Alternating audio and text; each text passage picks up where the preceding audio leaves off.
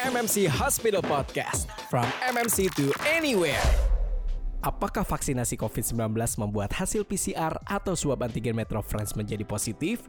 Daripada bingung, yuk simak penjelasan Dr. Erni. Apabila seseorang memiliki penyakit bawaan, Mhm. apakah boleh divaksin COVID?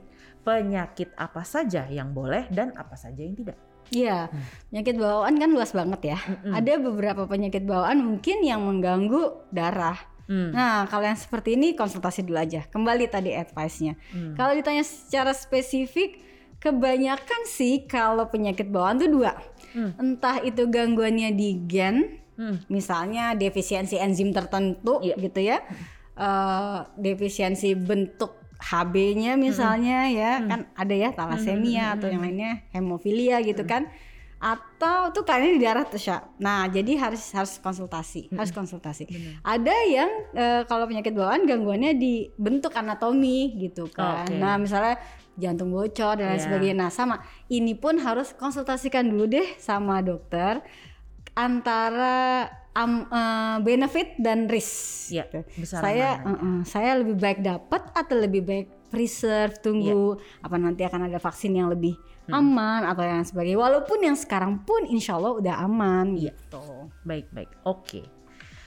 Apakah perlu membawa surat pernyataan dari dokter untuk kelayakan vaksinasi COVID-19? Ah iya itu MMC juga punya tuh surat kelayakan vaksin ya karena memang minta. Jadi gini, eh, pertama kembali saya sampaikan sebaik-baiknya saat vaksin itu lagi sehat deh, lagi bener-bener nggak nggak nggak nggak ada sakit akut gitu. Kalau sakit kronik terkontrol sih insya Allah nggak apa-apa.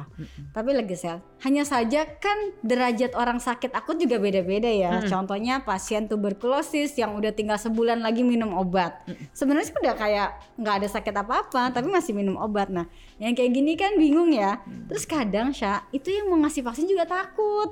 Iya. Aduh, lagi gitu minta surat dulu deh dari dokternya gitu. Jadi ke pertanyaan itu jawabannya kalau memang yang mau memberikan vaksin minta Mm-mm. ya sediakan aja. Tapi sebenarnya tidak ada tuh Mm-mm. tiap orang atau orang-orang tertentu bahkan orang yang minum obat tertentu pun nggak semua harus dapat surat kelayakan vaksin, Benar, benar, enggak. Iya, Tapi iya. kalau diminta ya biar dokternya nilai Iya. kalau memang oke ya bisa dibuatkan Iya, gitu. iya. Baik, baik. Nah, berikutnya nih. Apakah penderita autoimun dapat divaksin COVID-19? Ah, autoimun. Hmm, bisa, nggak ada masalah. Autoimun kan jenisnya banyak ya. Banyak. Dari yang kelainannya di sendi, kelainannya di kulit gitu kan, atau yang berat banget. Nah, sekarang lihat aja autoimunnya ini terkontrol atau enggak. Karena banyak pasien-pasien autoimun yang sudah dosis obatnya diturunin. Bahkan mungkin udah dua bulan terakhir nggak minum obat. Gak masalah tuh mendapatkan vaksin. Tapi tetap harus konsultasi Benar. dulu karena semua pasien autoimun punya dokter yang merawat tuh Sya, Iya. secara rutin gitu. Yes. Nah, biar beli, Dia- beliau yang menilai, tahu hmm, medical recordnya ya, Iya, perjalanannya, betul, benar. tahu kondisinya, Benar. kemudian bisa memberikan advice mengenai kelayakan untuk mendapatkan vaksin. Tapi sekali lagi, nggak ada tuh larangan mutlak. Mutlak tuh artinya benar-benar nggak boleh, Iya, heeh. kecuali alergi tadi. Iya. Oke. Oke, telur. Iya, terutama. Benar. Nah, apakah penderita cancer dapat divaksin COVID?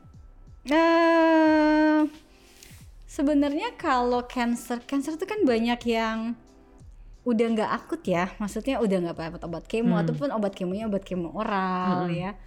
Kalau dari sisi Mungkin terkait daya tahan tubuhnya. daya tahan tubuhnya, oke, iya.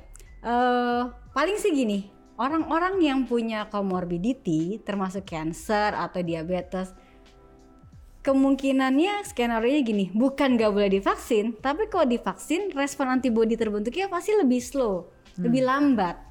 Karena kan itu menyangkut Karena- si iya. orangnya gitu. Itu kan menyangkut orangnya. Benar-benar. Nah, jadi em cancer boleh, tapi bukan cancer yang lagi di kemo, Iya, yang iya, iya. lagi dua minggu post kemo gitu ya.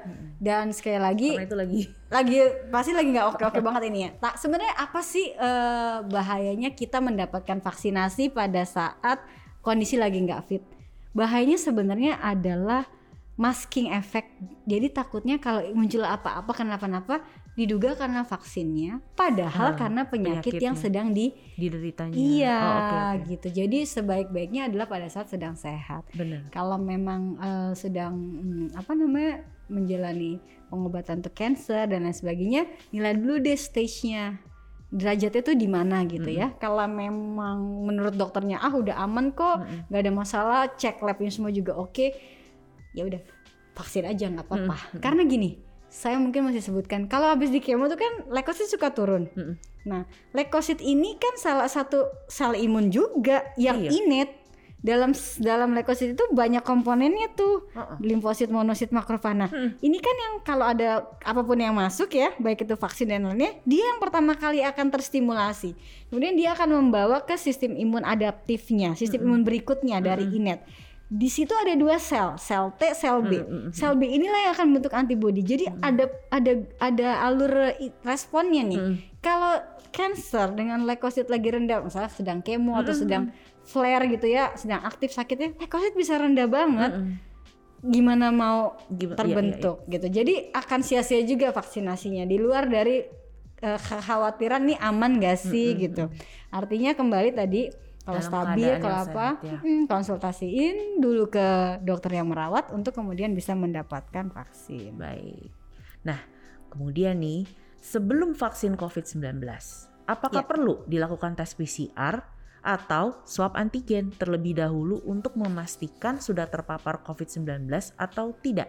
Ini mungkin maksudnya kayak yang OTG-OTG kan Iya, kadang dia juga iya. nggak tahu ya dia kena Iya, COVID iya. ya, Iya, karena tidak ada gejalanya. susah ya ini pertanyaannya. karena gini, karena gini, karena gini, susah karena gini. Eh kalau berobat secara individual nih ke saya nanya, "Eh, dok saya mau vaksin, terus apa dong yang harus saya lakukan? Saya akan advice swab dulu gitu, demi keamanan personal nih gitu. Karena gini, ah ya kita nggak menutup mata banyak yang setelah divaksin seminggu tiga hari dua minggu kemudian jadi sakit. Dan ternyata swabnya jadi positif. Mm-mm. satu perlu diingat nggak mungkin masukin virus dari Ah, sini uh-uh. bikin swab jadi positif. Iya. jadi nggak ada tuh bilang dok apa saya positif swab karena saya dimasukin vaksin dari dimasukin virus dari vaksin ya? Mm. nggak ada rutenya gitu. Bener. dari sini tuh langsung ke sel dia langsung ke antibody. Takutnya ya OTG itu gitu. Jadi kalau OTG kan ibaratnya udah ada virus distimulasi lagi. Gejalanya jadi muncul. Tetapi tetapi untuk secara umum karena ini kan ada concern komunitasnya ya nggak perlu untuk vaksin sebelum vaksin di swab dulu. Oke. kalau secara umum ya Baik. siapa dong yang harus dapat prioritas sebaiknya swab PCR dulu? Kan gitu kan dokter Erni tadi bilang nih kalau berobat ke dokter disuruh swab dulu. Heeh. tapi secara umum nggak usah. Pertama kita yang kerja dengan pasien Hmm. jadi kalau dokter kawan nakes kalau pasti kontak banyak orang dan orang-orang yang ya WFH-nya tuh cuma 10% gitu jadi sebagian besar harus keluar harus ini Iya iya iya. lebih baik sih, lebih baik, lebih aman. Ada akses punya PCR swab dulu deh gitu. Tapi secara umum sih nggak perlu, Oke. secara umum nggak perlu. Boleh langsung eh, untuk mendaftarkan atau ikut dalam program vaksinasi sesuai dengan jadwalnya gitu. Berarti yang disarankan sebelum vaksin untuk PCR mungkin Yang high orang-orang risk. yang high risk ya. Mobilisasinya yang 6 M-nya nggak berjalan optimal gitu. Syah. Iya. Benar-benar. Iya kan? Iya iya. Oke. Nah, em, apakah seseorang dapat beraktivitas seperti biasa setelah vaksin COVID-19 atau ada hal yang perlu diperhatikan? Eh, nggak ada boleh aktivitas biasa. Iya. kalau misalnya muncul gejala kayak demam-demam atau agak nggak enak gitu ya ada merah minum obat aja yang sifatnya meredakan gejala tersebut. Kalau memang aduh nggak kuat pengen istirahat dulu ya nggak apa-apa juga. Tapi nggak berarti eh, aturannya habis vaksin harus istirahat. Tidak nggak demikian. Boleh boleh kerja biasa. Wah, ini ada yang nanya nih. Apakah vaksin COVID-19 dapat menyebabkan kematian? Kematian. Iya iya iya. Kalau kematian sih sebabnya udah ditentuin ya maksudnya nggak nggak bisa dirubah-rubah. Jadi memang gini kan AstraZeneca lah ya kita sudah sama-sama tahu itu. Memang kan ada kondisi-kondisi karena kekentalan darahnya menyebabkan fatal pada beberapa orang gitu kan atau menimbulkan gejala yang berat. Hmm. tetapi kembali nih kita harus lihat secara objektif tuh gini. eh, personal communication saya kontak eh, kolega termasuk dulu supervisor saya di Belanda. untuk tanya berapa banyak sih eh, tapi ini 10 hari yang lalu ya Hmm. bukan data berapa banyak sih risiko koagulopati pada yang dapat AstraZeneca satu jadi laporannya tuh di satu negara itu cuma satu artinya kecil banget kan Benar. cuma karena fatal jadinya eh, risiko fatal jadi Iya, orang iya, takut iya. heboh ya. heboh. Nah sekarang sama nih di Indonesia berapa banyak sih yang kemudian menimbulkan gejala berat atau berisiko fatal? Mm-mm. Taruhlah dari yang dikumpul-kumpulin sebut deh, ini cuma data asumsi 10 Tapi yang dapat AstraZeneca berapa ratus ribu orang gitu misalnya. Jadi angkanya kan kalau dipresentasikan jadi kecil. Benar, nah, benar, benar. sehingga kalau ditanya ada nggak sih yang sampai meninggal?